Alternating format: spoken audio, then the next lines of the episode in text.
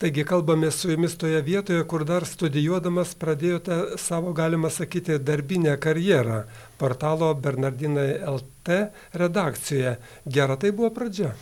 Taip, aš labai džiaugiuosi tą pradžią. E, aš pakliuvau tokiu būdu, kad man reikėjo e, praktikos per studijas ir e, mes kartu su Donatu Pusliu ir mūsų antrom pusėm lankėm čia Bernardinuose E, pasiruošimo santokai grupelę ir tiesiog man labai reikėjo praktikos ir aš e, ten kažkur kitur norėjau, bet ten negavau atsakymo, tada paprašiau Donato, kuris tuo metu dar buvo vyriausiasis redaktorius ir, ir jisai priėmė mane kaip praktikantą ir man taip pasisekė sužibėti su tekstais ir man buvo labai gerai, nes buvo keletas žmonių, kurie dirbo tuo metu redakcijoje ir kurie taip labai individualiai, individualiai man padėjo E, aš pradėjau pirmosius savo tekstus rašyti, ten imti interviu, ar eiti kažkokius renginius, rašyti apžvalgas, taip pat pirmus nuomonės tekstus bandžiau rašyti ir buvo, buvo keli žmonės. Buvo Rosita Garškaitė, kuri buvo tuo metu vyriausia redaktorė, kuri taip e, kiekvieną mano tekstą perskaitydavo, parašydavo pastabų, pataisydavom kartu stilių ir tad, aš taip mokiausi to rašymo, rašymo amato. Milda Vitkutė tuo metu buvo religijos temų redaktorė, iš jos irgi daug išmokau, bet gal, gal labiau, labiau ne taip, kad jinai redaguodavo mano tekstus, bet tiesiog per diskusijas, per, per pokalbius. Tai ta tokia buvo gera darbinė aplinka, aš labai, aš labai daug gavau iš darbo Bernardinuose ir labai tuo džiaugiuosi. Negaliu išvengti turbūt dažniausia jums, kuriejams pateikiamo klausimo, o kodėl ėmėte rašyti? Jūs diplomuotas politologas, daug vietos jūsų gyvenime užima muzika, kiti pomėgiai, o čia dabar knygų rašymas. E, sunku turbūt taip paprastai atsakyti šitą. E, man atrodo, kad būtent Bernardinuose aš labai lavinau savo tokį gebėjimą versti mintis tekstu Bet aišku, tie tekstai, bet čia Bernardinuose buvo labai, labai, labai skiriasi nuo, nuo, nuo, nuo, nuo grožinės kūrybos. E, man galbūt tiesiog e, viena vertus tai buvo tuk, truputį tokio sportinio, sportinio intereso, ar aš sugebėsiu, ar, ar, ar aš iš vis galiu tai daryti. O kitas dalykas, tai aš e, dar trečiam kurse E, bakalau, trečiam bakalauro studijų kurse perskaičiau Ivlinovo sugrįžimą į Braitskedą, tokį romaną. Ir aš taip, man bičiulis paskolino tą knygą, aš e, važiuodamas troleibuse pradėjau ją skaityti ir taip nepaleidau, pabaigiau, atsiverčiau nuo pradžių, vėl skaičiau ir taip kelis kartus ir man ta knyga paliko didžiulį, didžiulį įspūdį.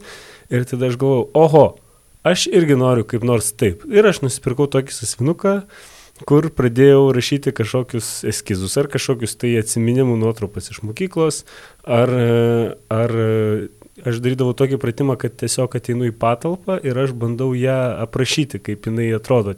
Tiesiog tam, kad patreniruočiau tą, tą, tą, tą gebėjimą stebėti ir gebėjimą tai papasakoti. Aišku, dabar jau iš to, kas išėjo toj mano knygutėje, iš tų pirmų eskizų nieko ten nėra bet, bet gal tokie turbūt buvo tie pirmi žingsniai. Šiais metais laimėjot Lietuvos rašytojų sąjungos leidyklos skelbtą konkursą Pirmoji knyga. Jūs debutavote su knyga Nedetektyvai. Apie ką jį? Labai uh, mane visą laiką trikdo šitas klausimas, nes man nėra lengva paprastai tai paaiškinti. Pradėti turbūt reikia nuo to, ką reiškia nedetektyvai. Tai e, nedetektyvai reiškia, kad, e, ir, kad jie kažkaip bando būti lyg detektyvinė istorija, bet ne. Ir aš tą paprastai paaiškinu tiesiog e, papasakodamas, kaip aš sugalvojau tą, tą, tą, tą pavadinimą. Buvo taip, kad ėjo karantino paskutiniai sunkus žiemos mėnesiai, ir mes su žmona sėdėdavom namie, neturėdavom ką veikti ir žiūrėdavom serialą apie Erkiulį Poro. Toks yra senamadiškas serialas, kuris įdavo per LRT ir, ten, ir internete yra galima rasti tų, žodžiu, serijų. Ir aš kažkada su tėčiu kalbėjomės telefonu ir tėtis klausė, ką veiki, sakau, žiūriu Poro, jisai sako, o, tai įdomu, ar čia išspręsta byla. Nu žiūrėk, žiūrėk, gal ir neišspręs. Ir tada aš ar, ar tada, ar kažkada vėliau aš pagalvojau, kad hm, detektyvinės istorijos visą laiką turi tokią panašią formą. Ir visą laiką yra taip, kad yra kažkokia paslaptis, yra personažas, detektyvas, kuris bando išsiaiškinti ir skaitytojas jis taip tarsi keliauja su tuo, e, tuo detektyvu ir kartu su juo sprendžia tą bylą. Ir aš pagalvojau, o kas būtų, jeigu kažkaip visą tai vyktų net panašiai, bet ne visai taip, arba baigtųsi panašiai ir ne visai taip. Pavyzdžiui, jeigu, jeigu skaitytojai nuo pat pradžių būtų akivaizdu ir tiesiog tada detektyvas, kuris ten ieško, būtų toks komiškas personažas. Arba jeigu, jeigu, jeigu pavyzdžiui, ten nebūtų atsakymo. Bet iš, iš kitos pusės tada yra tokia pagunda eiti į tokią kitą banalybę. Tai yra tokio, nu, man atrodo, kad šio laikinė, menė to vis pasitaiko. Tokio bandymo tiesiog kartoti belaukiant godo, kur tarsi nieko nevyksta, Ir, ir, ir tokiu būdu yra žaidžiama su skaitytoju, kad yra bandoma jo kantrybė, kad nieko nevyksta. Žinome, kad dideliai daliai dabartinių skaitytojų patinka detektyvai. O ko gali sudominti nedetektyvai?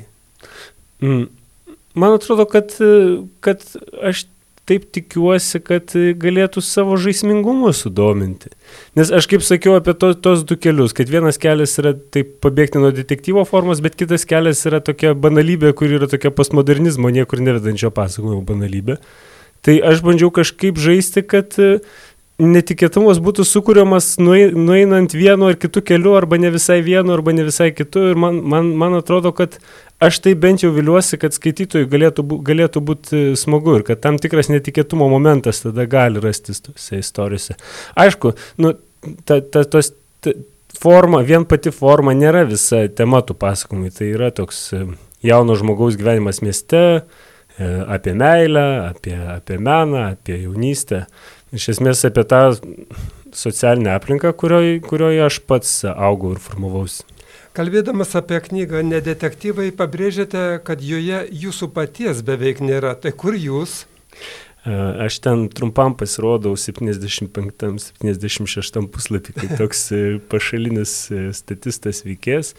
Man svarbu buvo tą pasakyti gal dėl to, kad man taip norėjosi atsiriboti nuo meno e, kaip tokio žmogaus kažkokios labai vidinės savisties išreiškimo ar tiesiog kaip saviraiškos ir pasakyti, kad aš e, rašydamas stengiuosi truputį kitaip galvoti apie tai, ką aš darau.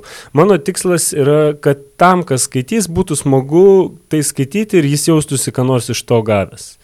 Mano tikslas nėra papasakoti apie savo vidinį pasaulį. Aišku, aš neišvengiamai turbūt kažkiek papasakoju apie savo vidinį pasaulį. Turbūt kitaip neišeina.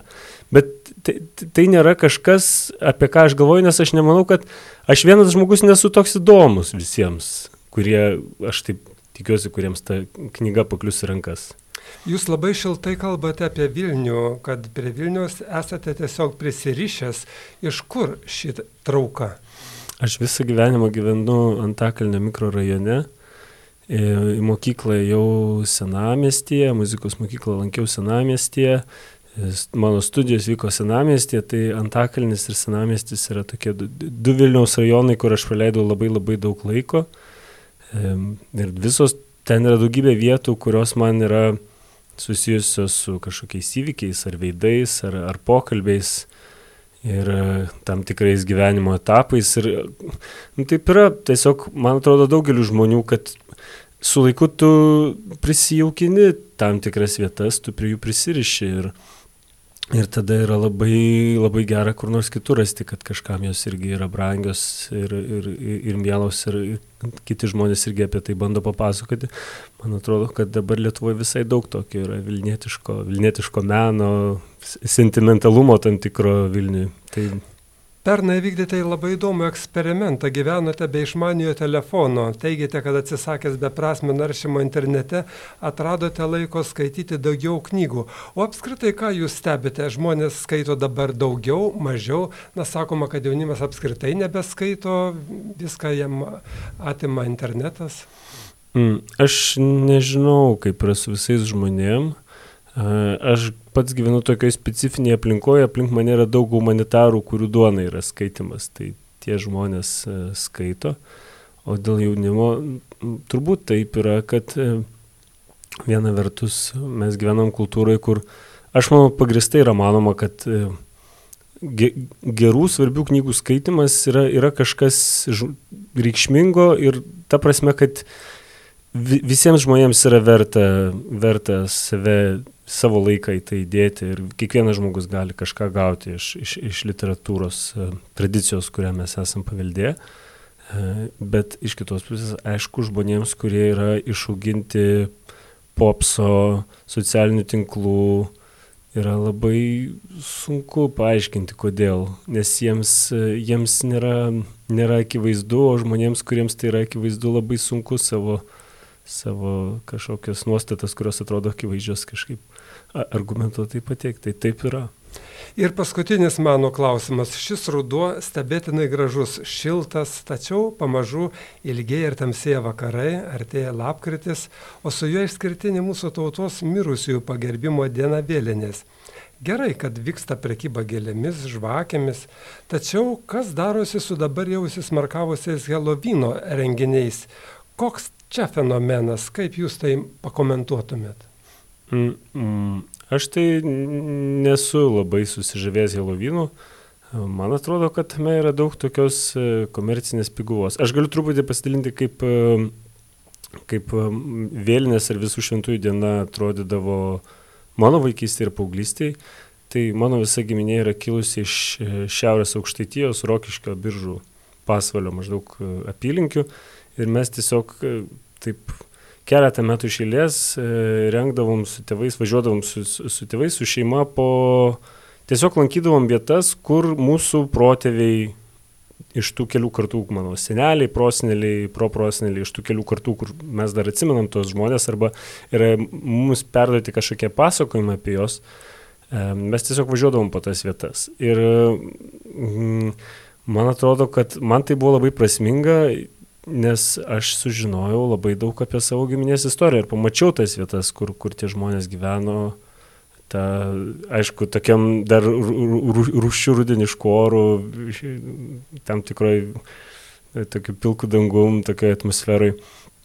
Bet e, man atrodo, kad aš irgi tą norėčiau perduoti savo vaikams. Man būtų labai gaila, jeigu Helovino saldainiai ir linksmybės tą išstumtų. Ir aišku, yra taip, kad vaikams uh, vaikams e, norisi linksmybių ir saldainių, bet e, man atrodo, kad pop kultūrą jie vienaip ar kitaip gaus, ką reikia stengtis jiems perduoti, tai yra, tai yra tai, ko jie negali gauti iš, iš pop kultūros.